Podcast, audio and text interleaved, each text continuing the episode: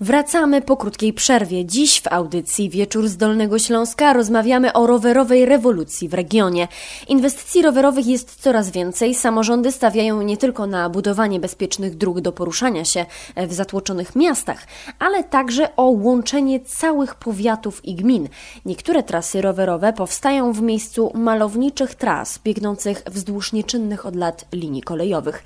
A zdaniem rowerzystów to wręcz idealny materiał na trasy rowerowe masę torów kolejowych, które kiedyś służyły nam, są niewykorzystane. Mamy tam y, podstawę, już bazę mamy. Zdjąć tory, wyasfaltować i mamy piękne dojazdy do każdej miejscowości. To gotowy szlak, który wystarczyło utwardzić, jakąś nawierzchnię wylać i ścieżki rowerowe gotowe wzdłuż tych torów. A nam tak naprawdę zależy na takich ścieżkach poza miastem, które by prowadziły tak jak właśnie były te plany wzdłuż y, tych torów kolejowych. To było cudne, cudny pomysł, żeby wykorzystać to. Gdy będą te ścieżki na tych, na tych starych y, torach kolejowych, to mamy połączenie praktycznie po całym Dolnym Śląsku. Dojeżdżamy wszędzie, spokojnie i bezpiecznie. Bardzo fajna trasa jest, mi się podoba, z Iwin. Przepiękna trasa, już zrobiona właśnie na tych starych torach kolejowych, trasa rowerowa. Przenieśmy się więc na moment na tę 12-kilometrową trasę rowerową z Iwin, która biegnie szlakiem nieczynnej od lat linii kolejowej i cieszy się ogromną popularnością. W przyszłości trasa ma umożliwić dojazd rowerem z Zamku Grodziec do Zamku Kliczków. Ona zaczyna się od Iwin,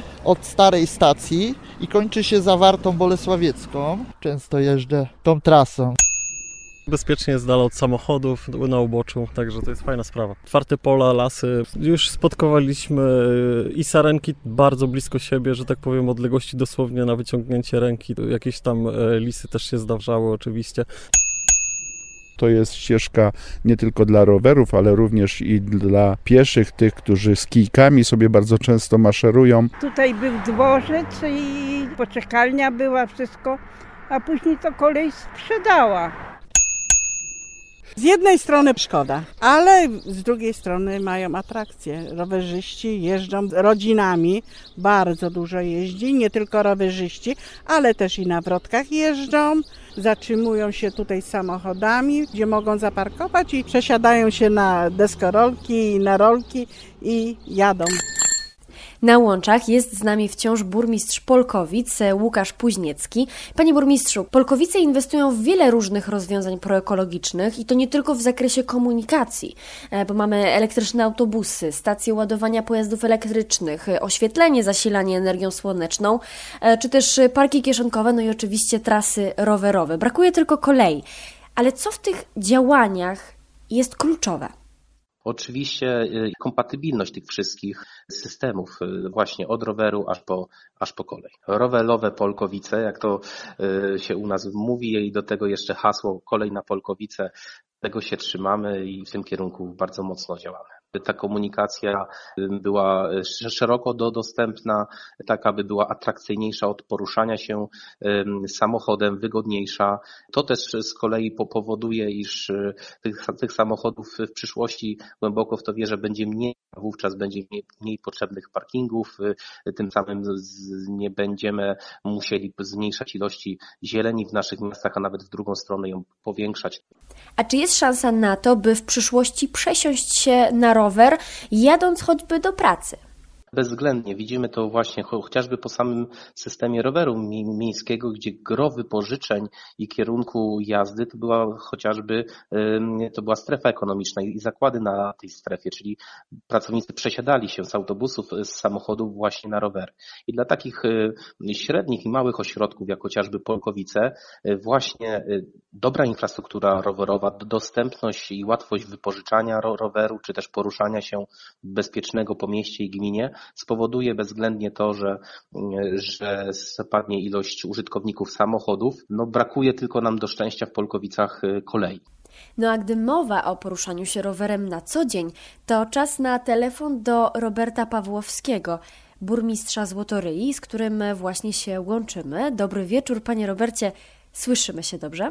Dobry wieczór, znakomicie. Panie burmistrzu, pan jako samorządowiec, ale i rowerzysta, jak pan uważa, czy w związku z tym rozwojem infrastruktury jest taka szansa, by rower stał się ważnym środkiem transportu? To jest możliwe, bo, bo tak się dzieje na całym świecie. Pan do pracy dojeżdża rowerem?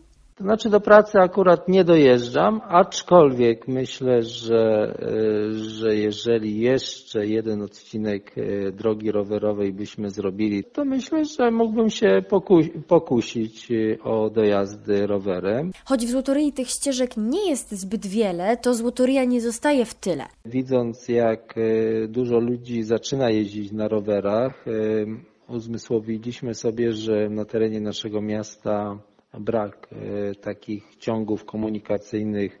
Wziął się ten pomysł, żeby taką pętlę rowerową e, na terenie samego miasta zrobić, też z myślą o ludziach, którzy chcieliby dojeżdżać do pracy.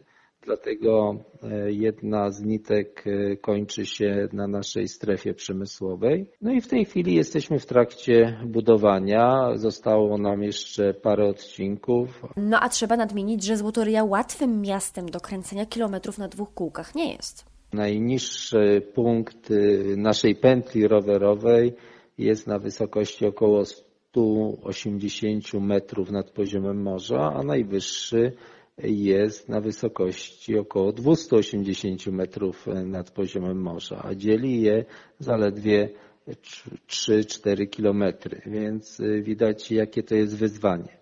Staraliśmy się wybudować te drogi w ten sposób, żeby nawet mało wprawny rowerzysta dał sobie radę z tymi przewyższeniami, więc mam nadzieję, że to też zachęci wielu mieszkańców do tego, żeby na przykład dojechać na strefę. Przede wszystkim to musi być separacja ruchu rowerowego od samochodowego. Tam, gdzie jest tylko to możliwe, to powinny być autonomiczne chodniki, nawet pieszo-rowerowe, żeby w bezpieczny sposób mogli przemieszczać się e, w terenie miasta, ale także w terenach pozamiejskich. Za kilka chwil porozmawiamy o tym, czy rewolucja rowerowa dokonała się też w mentalności dolnoślązaków.